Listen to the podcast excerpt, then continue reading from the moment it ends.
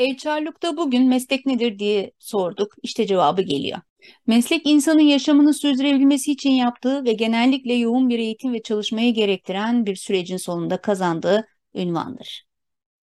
Kişilerin bulundukları pozisyonda yerine getirdikleri faaliyetler belirlenirken mesleki bilgiye ihtiyaç duyulur.